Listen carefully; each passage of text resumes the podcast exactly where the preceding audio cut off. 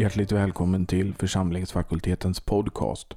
Jag heter Kristoffer Helle och även denna vecka samtalar jag med Pekka Heikkinen, denna gången om andra trosartikeln i vår serie om Lilla katekesen. Och är det så att du vill bidraga till den här poddens fortsatta arbete går det bra att göra det på Swish och då är det nummer 123 100 8457 och så märker man det med FFG Podcast. För annat sätt att vara med och bidra till församlingsfakultetens arbete besök vår hemsida ffg.se. Nu, Pekka Heikkinen, god lyssning. Och då säger jag återigen välkommen till Pekka Heikkinen. Tack. Och andra trosartikeln, den handlar om Guds son och återlösningen.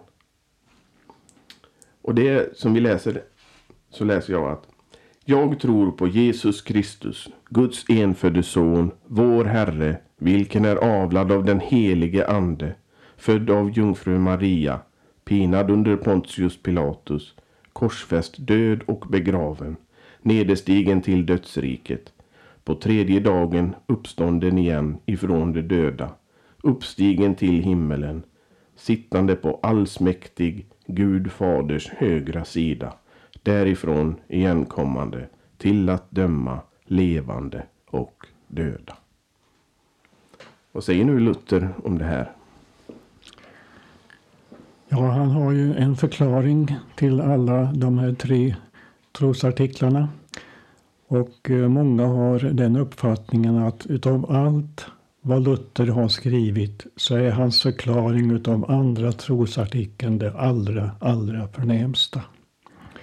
Och jag vet inte hur många gånger jag har läst den utan till för mig själv när jag ligger på nätterna och inte kan sova. Och det är inte bara denna förklaring utan även första artikelns och tredje artikelns förklaringar. De är så underbara och så trösterika att läsa när man inte kan sova på natten. Då ska vi lyssna till denna underbara förklaring. Jag tror att Jesus Kristus, sann Gud, född av Fadern i evighet och tillika sann människa, född av jungfrun Maria, är min Herre. Vilken förlossat, förvärvat och vunnit mig, förtappade och fördömda människa, ifrån alla synder, ifrån döden och djävulens våld. Icke med guld eller silver, utan med sitt heliga och dyra blod och sitt oskyldiga lidande och död. För att jag ska vara hans egen, bliva och leva under honom i hans rike och tjäna honom i evig rättfärdighet, oskuld och salighet, såsom han är uppstånden ifrån döden, lever och regerar i evighet. Det är absolut sant. Och den här eh, artikeln det handlar ju om Guds son och återlösningen. Vad betyder återlösa? Ja, man brukar översätta det med friköpa. Att människan har alltså genom synden blivit en fånge, sitter i fängelse. I eh, syndens och dödens och djävulens och helvetets fängelse. Och då har Gud skänkt oss en frälsare som ska friköpa oss därifrån. Och vem sände Gud för att återlösa oss? Ja, han sände ingen mindre än sin egen son. Och det säger en hel del både om Guds kärlek, att han ville skänka oss det dyraste han hade. Och även hur svår våran nöd var. Att Guds egen son skulle behöva komma. Så svår var våran nöd. Att Gud måste offra sin egen son. Och på juldagen firar vi minnet av Jesu födelse. Och varför fick då vår återlösare namnet Jesus? Det förklarade ängeln för Josef, alltså Marias man.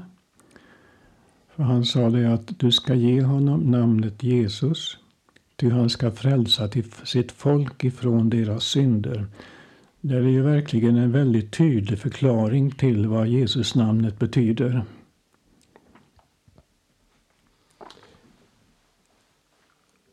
Det finns många religioner i världen. Men det finns bara en frälsare. Ja, så förhåller det sig.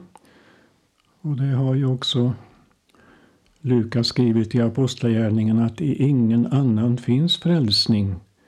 Ej heller finns under himmelen något annat namn bland människorna givet genom vilket vi kan komma, kan bliva frälsta. Och det är väldigt viktigt att vi framhåller detta i vår tid för att för att eh, Kristi kyrka börjar ju vackla på den punkten. Att eh, Jesus behöver inte vara den enda frälsaren. Men det finns ingen annan frälsare än honom. Eh, varför kallas han också Kristus? Därför att eh, han är smord. Och Eh, vad är han smord med? Jo, med Guds alla egenskaper. Och det är till sin mänskliga natur som han är smord med dessa egenskaper. För att så som Gud eller Guds son har han ju alltid ägt dem. Men eh, när han blev människa och blev avlad utav den heliga Ande då blev även hans mänskliga natur smord med dessa egenskaper. Därför står det också i Kolosserbrevet i Kristus bor gudomens hela fullhet lekamligen. Vad är det då vi bekänner om vår återlösares person? Han är verkligen en unik person. För dels är han en människa, precis som vi, med alla våra egenskaper. Det är bara på en punkt där han skiljer sig ifrån oss andra människor. Och det är ju det att han inte har någon synd. Men han kan bli trött och han kan, han kan eh, bli hungrig och mycket annat som kännetecknar oss människor. Men sen är han inte bara människa, utan så är han också, som redan har framgått här, han är också Gud. Och det har han ju varit i evighet. Men på en viss punkt i historien så blev alltså den evige Gudens son människa. Och sen har han aldrig slutat att vara både Gud och människa. Annars är det nog många som tänker att när Jesus for upp till himmelen igen, hem till sin fader, att han då slutade att vara eh, människa.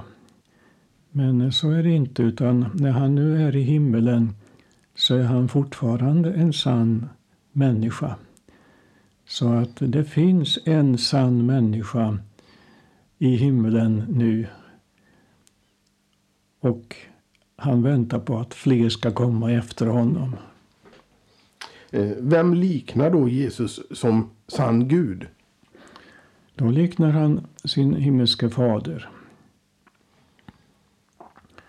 Och därför kunde han säga, den som har sett mig, han har sett Fadern. Och det var ju en oerhörd anstöt för judarna, särskilt för de skriftlärda och fariseerna när Jesus sa detta om sig. Vem liknar Jesus som sann människa? Då liknar han oss människor, som jag redan sa, i allting utom i det att han inte hade någon synd. Han var visserligen frestad i allting så som vi, men han föll aldrig någon gång för frestelsen. Just det här med att han är sann Gud och sann människa. Eh, det är en dårskap som, som världens barn inte förstår. Men Guds barn förstår det. Vad säger du om det? Ja, och hur mycket de förstår utav det, det kan man naturligtvis diskutera. Men eh, det de inte förstår, det tror de. om de är, verkligen är Guds barn. Det är mycket i Bibeln och när det gäller gudomspersonerna som vi inte förstår.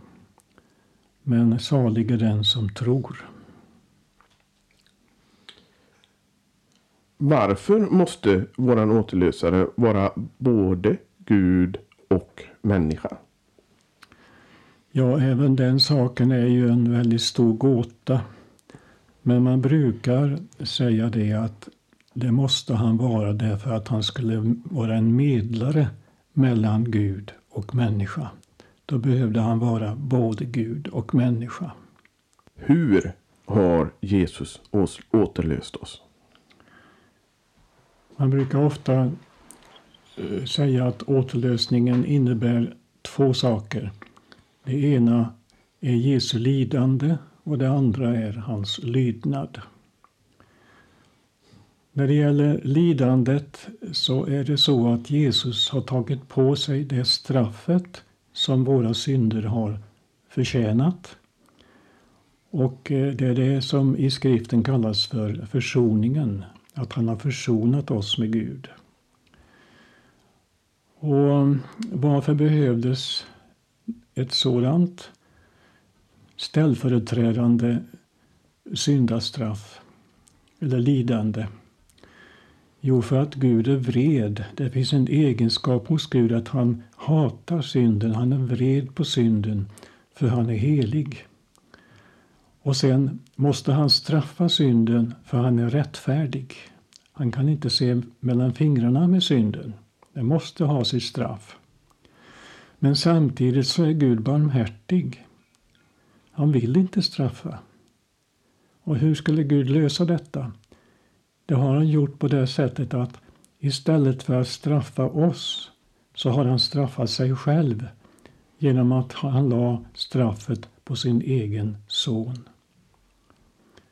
Och då har hans vrede emot oss försvunnit och istället så är Gud nådigt inställd till oss syndare. Och det här med försoning, det är väl det sanna evangeliet? Ja, det är verkligen centrum i evangeliet. Kristi försoning. Och sen har vi den andra punkten som du talar om, lydnaden. Ja, för eh, Gud har ju gett oss sina tio heliga bud. Och han har menat allvar med det. Det är inget skoj. Han vill att de ska hållas. Men vi kan ju inte hålla Guds bud. Inte ett enda utav dem. På ett sådant fullkomligt sätt som Gud kräver i sin, i sin lag. Eller som Jesus sa en gång att var alltså fullkomliga så som er himmelske fader är fullkomlig. Men när Gud såg att vi var så svaga att vi inte kunde hålla hans bud, då lät han sin son hålla de buden i vårt ställe. Och det har ju, gjorde Jesus under den tiden som han levde som människa på jorden. Ända ifrån sin barndom till sin död på korset. Och när fullbordade Jesus återlösningsverket? Det var när han ropade på korset, det är fullbordat. Då var både hans lidande och hans lydnad fullbordade. Frälsningens grund var lagd.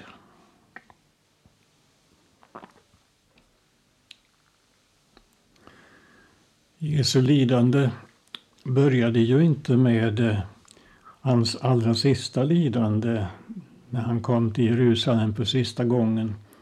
Då blev det ju visserligen svårast för honom men vi får inte glömma att Jesus har, lidi, har varit lydig ända ifrån sin barndom när han växte upp i Nasaret.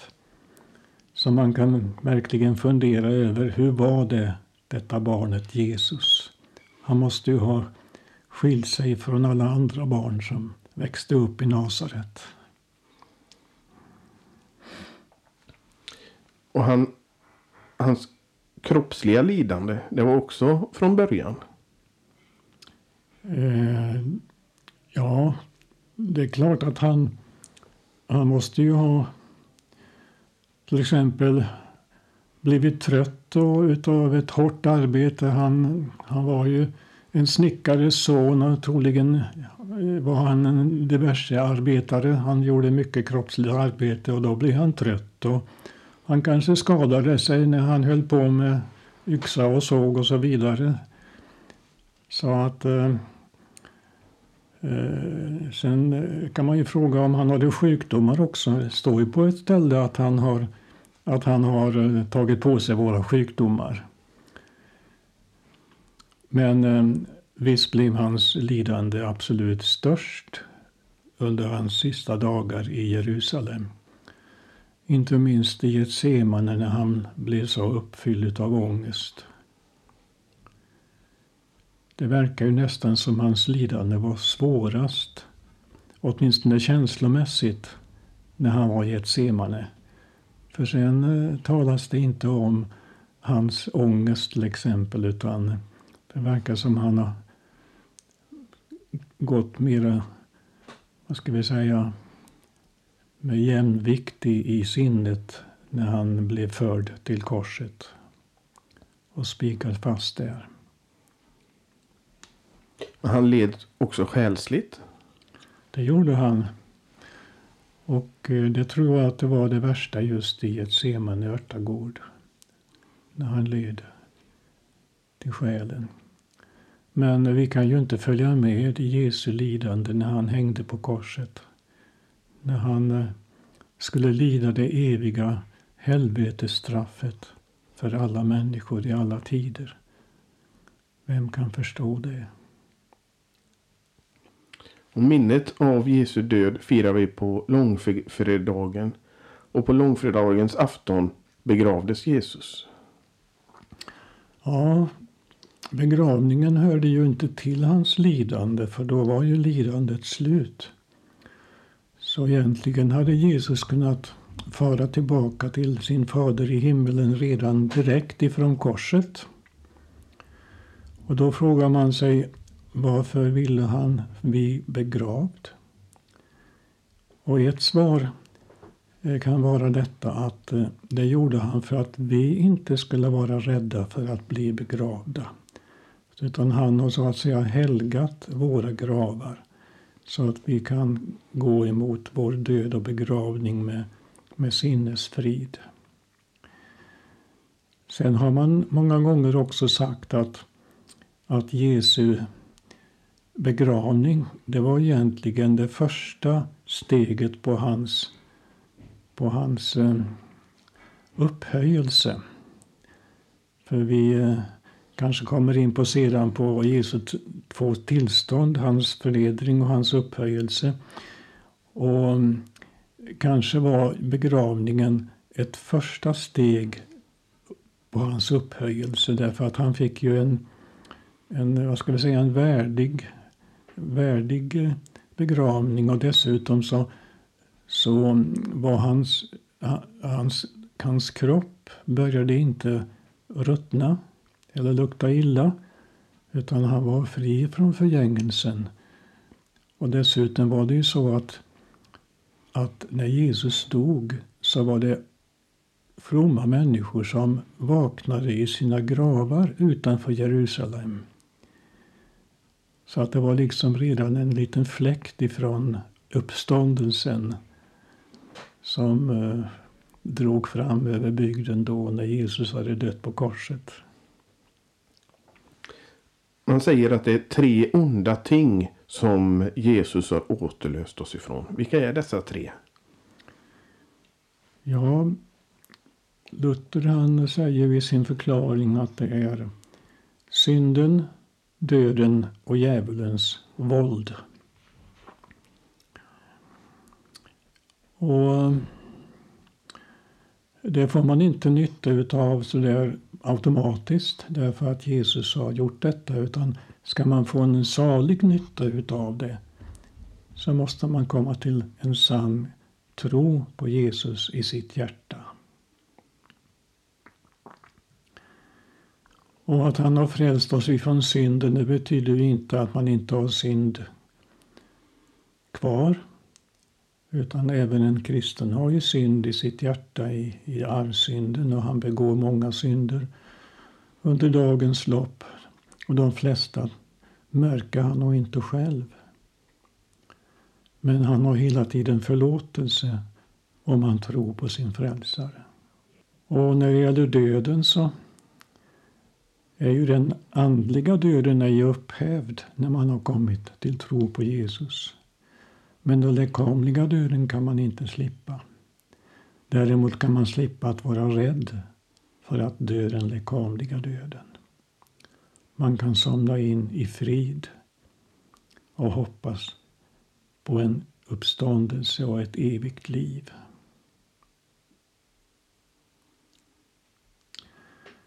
När det sen gäller frälsningen ifrån djävulen så slipper inte en kristen att bli frestad utav djävulen. Men han slipper att vara, som Luther uttrycker, uttrycker det, i djävulens våld. Så att djävulen kan inte tvinga en kristen att tycka om synden. Och när en kristen, fast han inte vill, ändå syndar så ber han om förlåtelse för sin frälsares skull. Och då är han ju inte i djävulens våld utan då är han i den gode Guds andes våld istället. Tror du att dagens människor eh, som, som vill vara kristna inte förstår hur allvarliga djävulens angrepp är? Ja, är de verkligen, är de verkligen omvända? Det kanske du förutsätter att de ska vara, eller? Ja. Ja. Eh, då, är, då har de ju så pass kunskap att, eh, att de inser allvaret med djävulens frestelser. Men eh, våra kunskaper de är ju alltid begränsade. Så att eh, det ska bli skönt en gång att förstå bättre och djupare. Men vi, vi, brukar ju ibland tala om att det finns oomvända människor och omvända människor. Men så finns det också uppväckta människor. De som ännu inte har kommit till en sann tro. Är det dessa uppväckta människor som där djävulens angrepp är som mest farliga?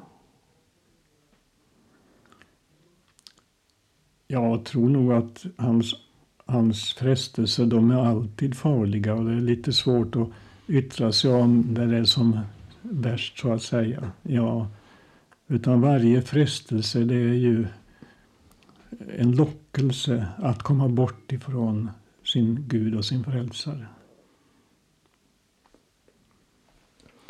Sen finns det tre också goda ting som Jesus har återlöst oss till. Ja, och det de tre som Luther nämner i sin förklaring det är att,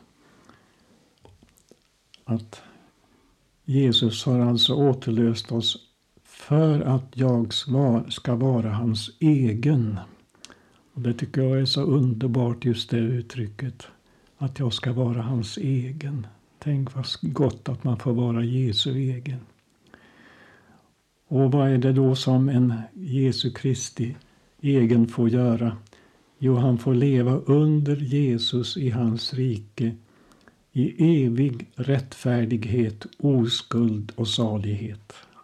Alltså en, man får evigt vara rättfärdig, det vill säga felfri och fullkomlig i Guds ögon. Man får evigt vara i oskuld. Man har inga skulder. Man är som ett, om man säger som ett litet nyfött barn som inte har tänkt eller gjort något ont så, så får man vara i evighet. Och så blir man också salig.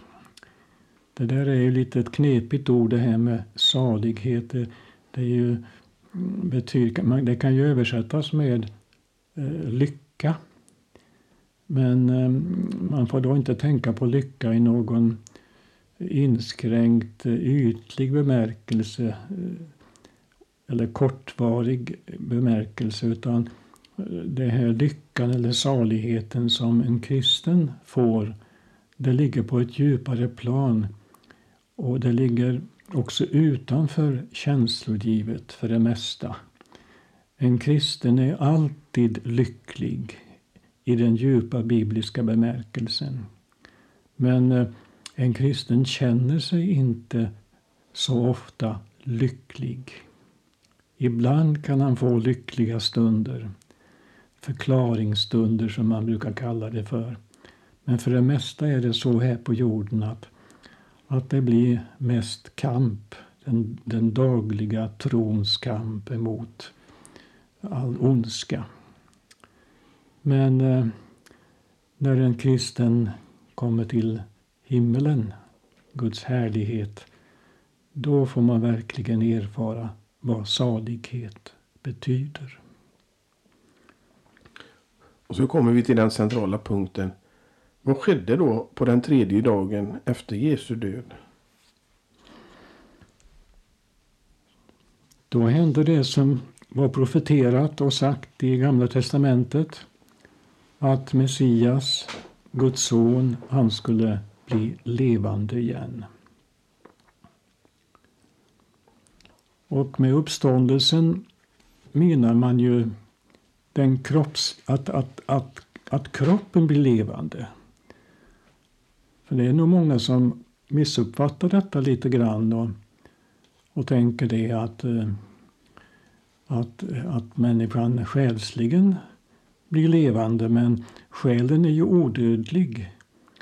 Så att när Jesus dog på korset då blir hans själ skild ifrån kroppen och eh, blev upptagen till Gud, till det himmelska paradiset. Och när Jesus, Jesu kropp sedan blev levda, levande på tredje dagen så kom Jesu själ tillbaka i hans kropp. Men varför steg Jesus ner till dödsriket? Det är en väldigt svår punkt i vår trosbekännelse, detta med Jesu nedstigande i dödsriket. Men eh, man har försökt att förklara det på det sättet att, att han skulle ner i dödsriket eh, för att förklara eller visa sin seger över synden. Eh, när han kommer dit med sin förhärligade kropp så, så ser de som är i dödsriket att han har vunnit seger. Och att han verkligen har vunnit seger det kommer också fram utav det att han gick ifrån dödsriket. Djävulen kunde inte behålla honom i, i, i dödsriket utan han gick därifrån till sin himmelske fader. Vad är dödsriket för plats? Ja, det, det finns också säkert många olika uppfattningar om det men som jag har förstått det så är det den platsen där Gud förvarar de oomvändas själar mellan dödsdagen och domens dag. Men eh, de gudfruktigas själar förvarar Gud i det som vi kan kalla för det himmelska paradiset. Det kommer ju fram i Jesu berättelse om den rike mannen och Lazarus att, att Lazarus han blev av änglarna förd till Abrahams sköte, vilket också kan kallas för paradiset. Men hur kan vi veta att Jesus har segrat? Eh, det kan vi veta genom, genom eh, eh, ögonvittnenas berättelser. Jag tänker i första hand alltså på Jesu tolv apostlar. De har ju i sina skrifter eller genom andra som eh, har lyssnat på dem, till exempel Lukas, han var ju ingen, ingen apostel, men han hade noga, eh, noga studerat Eh, och lyssnat till apostlarnas undervisning. de har i sina skrifter vittnat om att de har sett Jesus och hört Jesus och tagit på honom med sina händer och ätit tillsammans med honom. Och när vi läser detta i Bibeln då kan vi, eller bör, bör vi verkligen tro på det. Att då är det sant som de säger. Och det, det är väldigt övertygande berättelser. Överhuvudtaget är det ju så med Guds ord att det har ett oerhörd kraft. Så att när en människa inte medvetet eh, eh, vill stå emot Guds ord så, så känner hon den kraften, den övertygande kraften som ligger i Guds ord.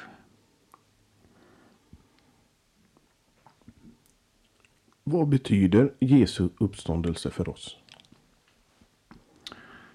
Eh, det, in, det in, vi, får, vi blir övertygade om att han är en fullkomlig frälsare.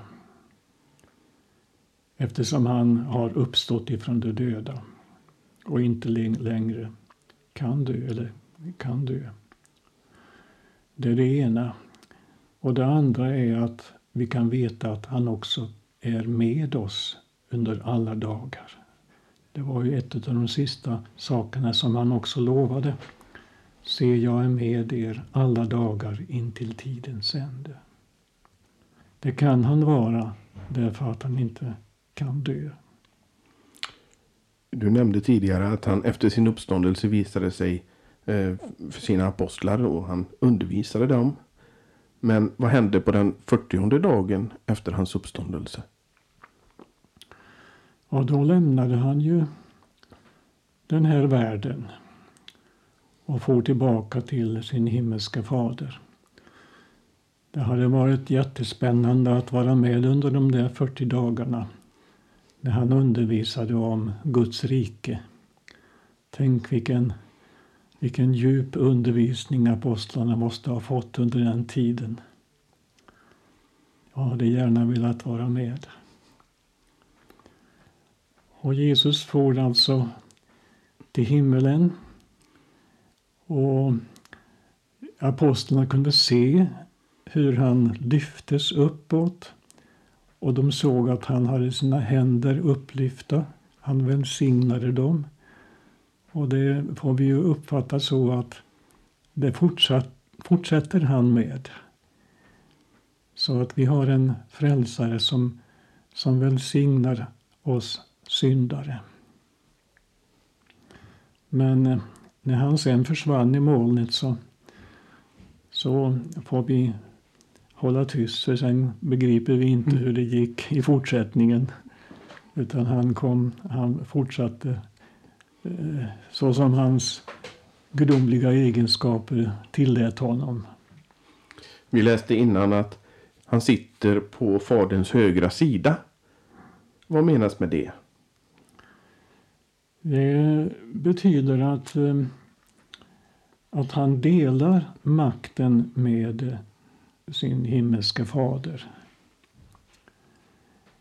Eh, och det gör han inte bara som Gud utan också som människa. Det är viktigt att man har med det i sina tankar hela tiden att Jesus är både Gud och människa. Så att vissa saker som skriften säger om Jesus det, det hör närmare samman med hans gudom, gudomliga natur. Och annat hör samman med hans mänskliga natur.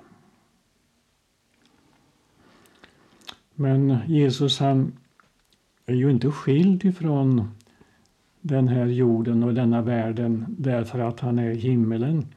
Utan så som Gud är han ju hela tiden överallt närvarande. Och det är han både som Gud och människa. Och just därför att han även som människa kan vara närvarande på jorden så kan han också vara närvarande i nattvardens bröd, som han säger. Detta är min lekamen.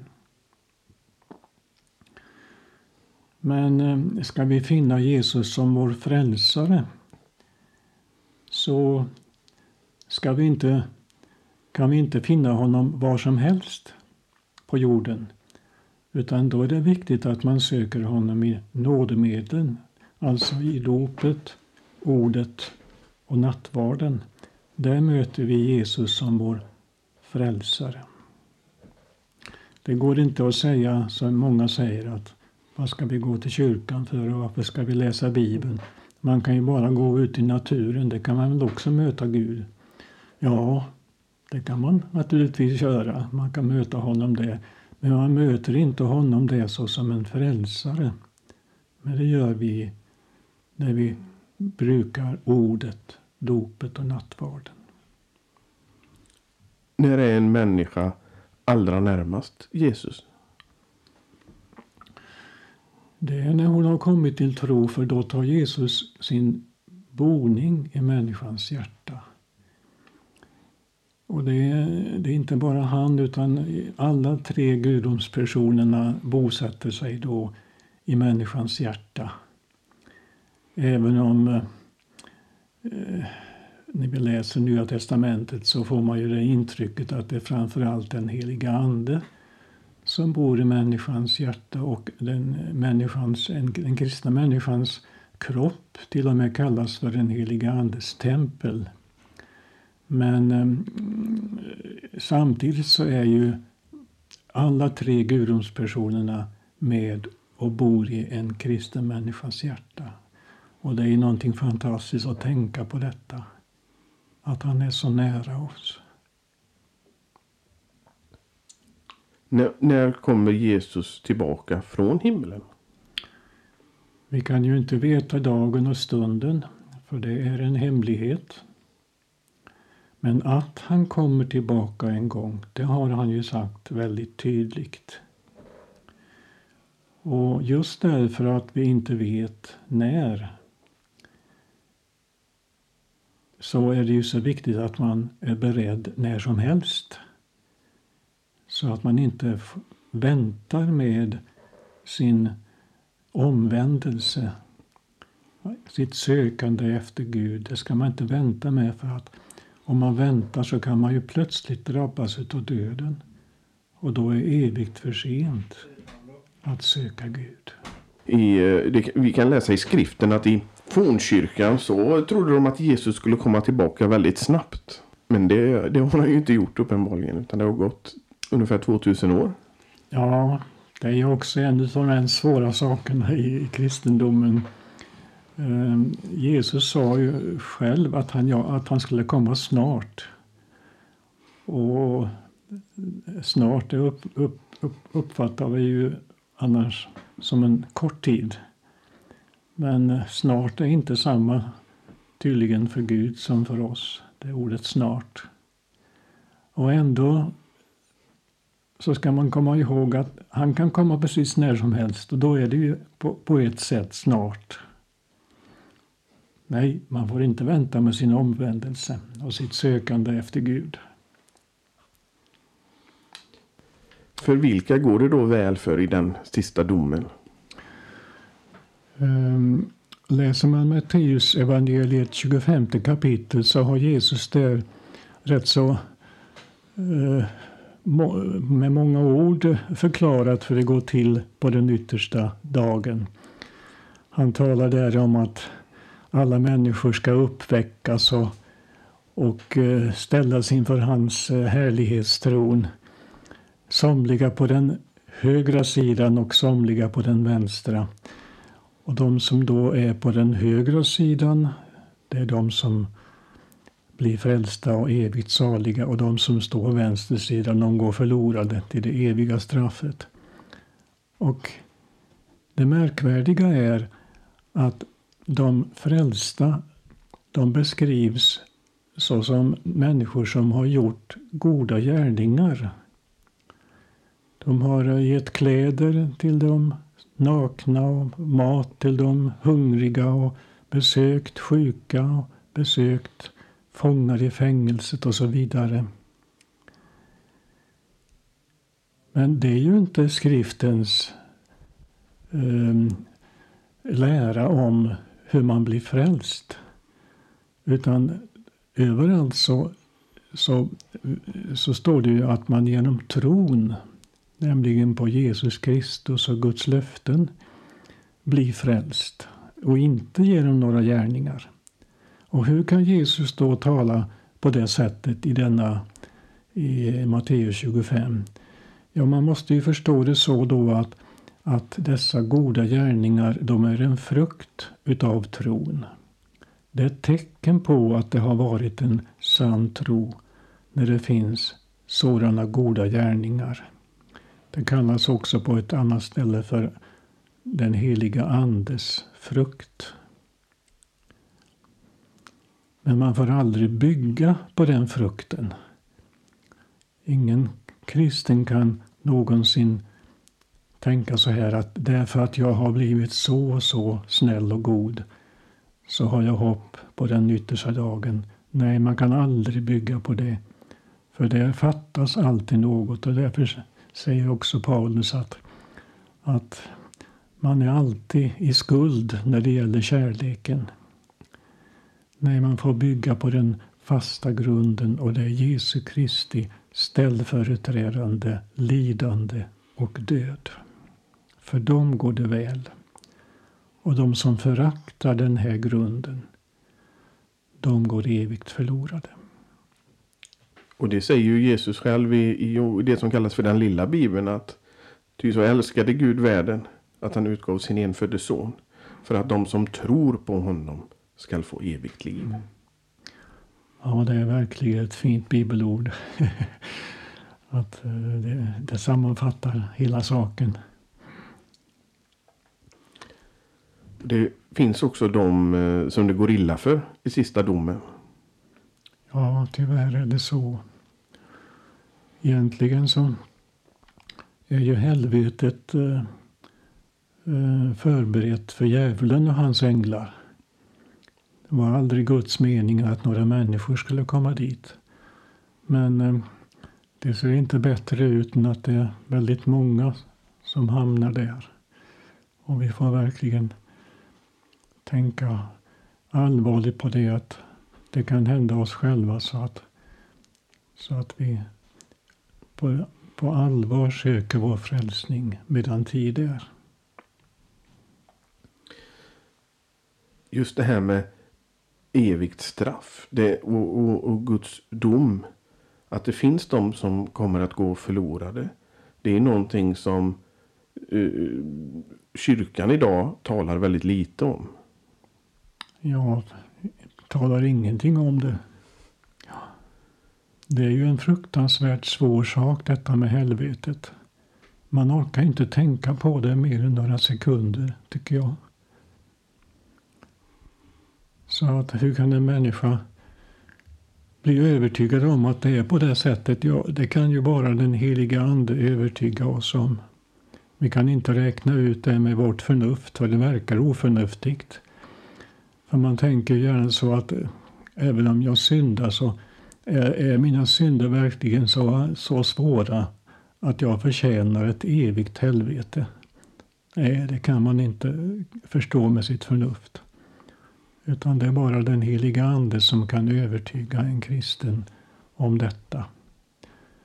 Och en kristen vill ju inte heller säga emot skriften utan även sånt som är svårt att ta till sig, det vill en kristen ändå ta till sig därför att det är Guds ord. Men när är den avgörande punkten Eh, för hur det går för en människa på den här domens dag?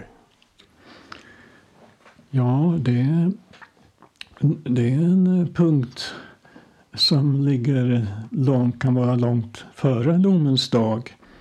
Det finns nämligen en dag som väldigt mycket liknar domedagen och det är en människas dödsdag. För efter den dagen sker inga förändringar i själens tillstånd utan sådan man dör, den kroppsliga döden, sådan är man också när man blir uppväckt på den yttersta dagen och ska dömas. Och båda dagarna, både dödsdagen och domedagen, kommer ju helt oväntat. Man vet inte när det kommer. Och, och, och varför har detta hemlighållits? Ja, det är väl därför att man inte då ska vänta med sin omvändelse utan, utan söka Gud nu. Se nu är den välbehagliga tiden. Se nu är frälsningens dag, skriver aposteln.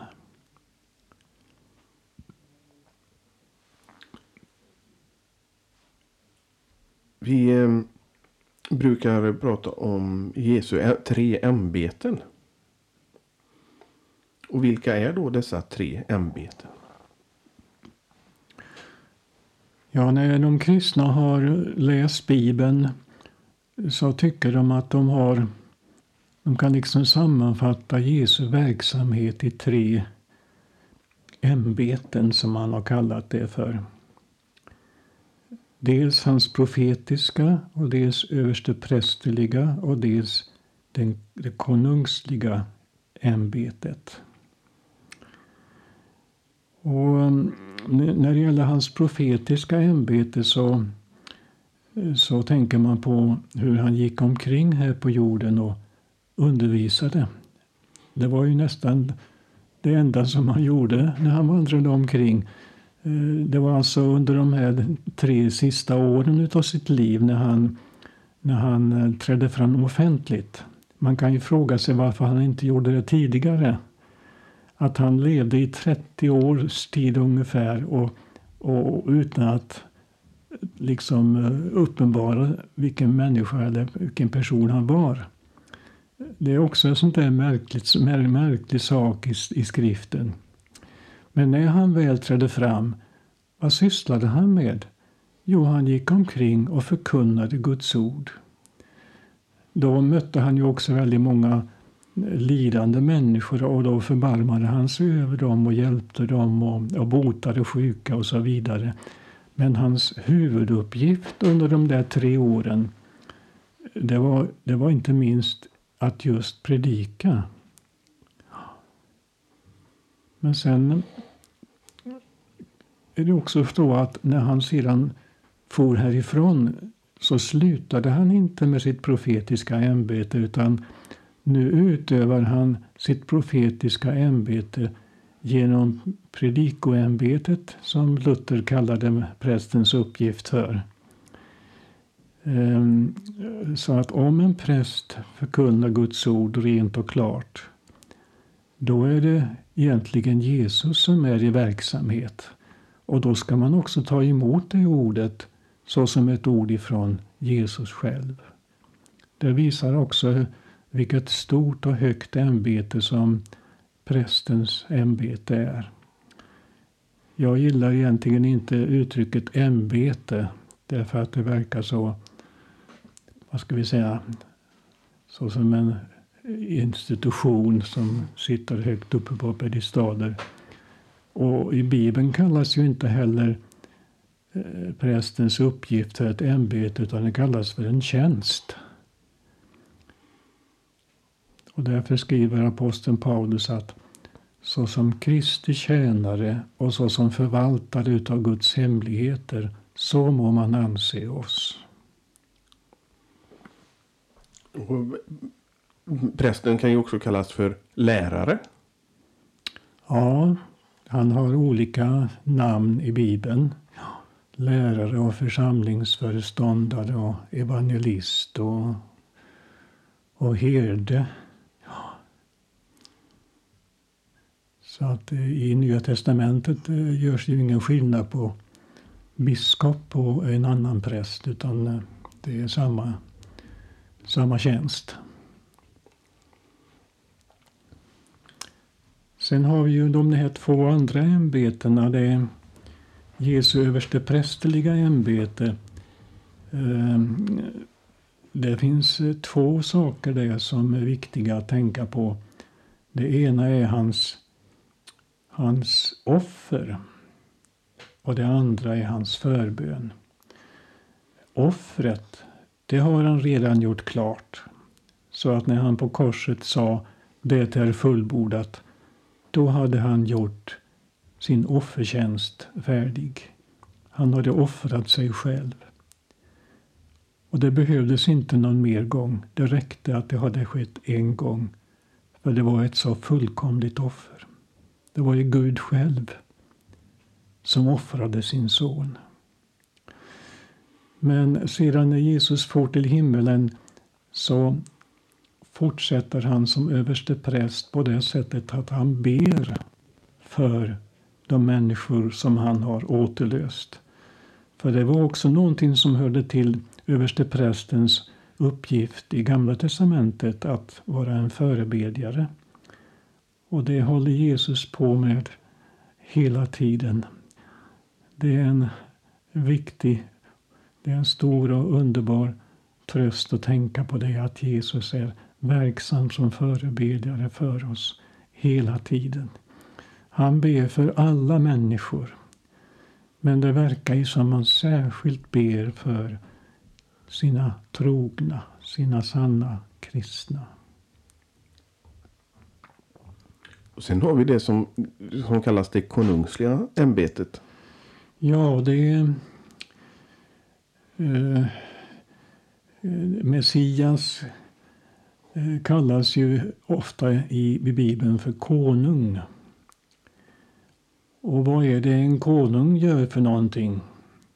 Ja, han regerar ju. Eh, den svenska kungen han har ju inte någon makt egentligen utan han är en han eh, är ju han är ju konung för, för det svenska riket men han representerar bara riket på ett figurligt sätt. Men när det i Bibeln talas om konungar så är det ju fråga om konungar som har eh, de är, de är närmast som enväldiga personer. Och så är det också med Jesus att han är, han är en mäktig konung. Och eh, vi brukar tala om att han är konung i tre olika riken. Allmaktens rike, nådens rike och härlighetens rike. Och mm, att han är konung i allmaktens rike det är att han, han är konung över allting. Så det är både himmelen och helvetet och hela, hela universum alltihop. Där är han konung.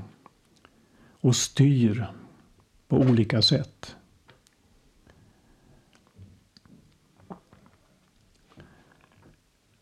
Man har också sagt att, att han som konung eh, strider emot och besegrar sina fiender. Och det är någonting som inte är helt uppenbart för att man kan ju, upp, man kan ju uppfatta verkligheten på det sättet att Jesus han har inte mycket makt. Det verkar som det onda har mera makt. Det är lättare att tro på djävulen än att tro på en Gud, en, en god Gud, en kärleksfull Gud. Men det är bara som det ser ut. En kristen ska tro att han verkligen både, både bekrigar, så att säga, strider emot sina fiender och att han också segrar över dem hela tiden. Men vad gör han då med sina trogna, sina sanna kristna? Jo, de benådar han. Det hör också med till konungens eh, uppgifter att benåda sådana som är skyldiga. Han benådar dem, han förlåter dem. Det hör med till Jesu konungsliga ämbete. Sen brukar man tala om eh, Jesu tillstånd också. Och vilka är då dessa tillstånd? Det är dels hans förnedring och dels hans upphöjelse. Och hans förnedring, det började ju med att han blev född utav jungfrun Maria. Alltså den höge guden stiger så att säga ner till att bli en vanlig människa genom denna födelse. Och Jesu förnedring höll på under hela hans jordeliv och avslutades med hans död på korset. Och även detta med hans begravning som vi redan har varit inne på lite grann. Men som jag sa så kan man också säga att, att Jesu begravning var första steget på hans upphöjelse. Annars så fortsatte ju Jesus efter sin död med att han uppstod på tredje dagen. Han for till himmelen, han satte sig på Gudfaderns högra sida. Och han ska komma tillbaka för att döma levande och döda. Det brukar man räkna till hans upphöjelse. Men som sagt, hans upphöjelse liksom började lite grann med hans begravning eftersom han fick en så värdig förklaring eller begravning. Han blev ju lagd i en grågrav där ingen annan hade blivit lagd tidigare och, och hans kropp blev smord med en överflödande smörjelse utav, utav um, Nikodemus som kom dit och gjorde detta. Och dessutom så var inte hans kropp föremål för någon förgängelse. Så det är ju inte svårt att förstå eller hålla med om att detta kan ses såsom ett första steg utav hans upphöjelse. Vad hör då till hans upphöjelse? Ja, dit hör allt som kommer, alltså, som kommer efter hans begravning, hans uppståndelse och himmelsfärd och att han nu sitter i himmelen på Faderns högra sida. Och även hans återkomst till domen och hela evigheten som följer, med, följer efter domedagen. Det får ju räknas till hans upphöjelse. Du har pratat här nu om eh, att man inte ska vänta med sin om, omvändelse. Och vi pratade lite om, om, om eh, prästen och det här med Guds ord. Och, eh, hur ska en människa göra för att veta hur det är ställt med henne? Eh, det är bara Guds ande som verkligen vet hur det står till med våra själar. Och det meddelar den heliga Ande genom Guds ord. Så att vill man veta hur det står till med själen så ska man läsa Bibeln. Och så ska man lyssna på en sådan förkunnelse som stämmer överens med Bibeln. Då blir man, som det heter, upplyst. Man blir, man blir upplyst både med lag och med evangelium. Man blir upplyst om sina synder och man blir upplyst om att man har en frälsare som hjälper oss och ger oss förlåtelse och ett evigt liv.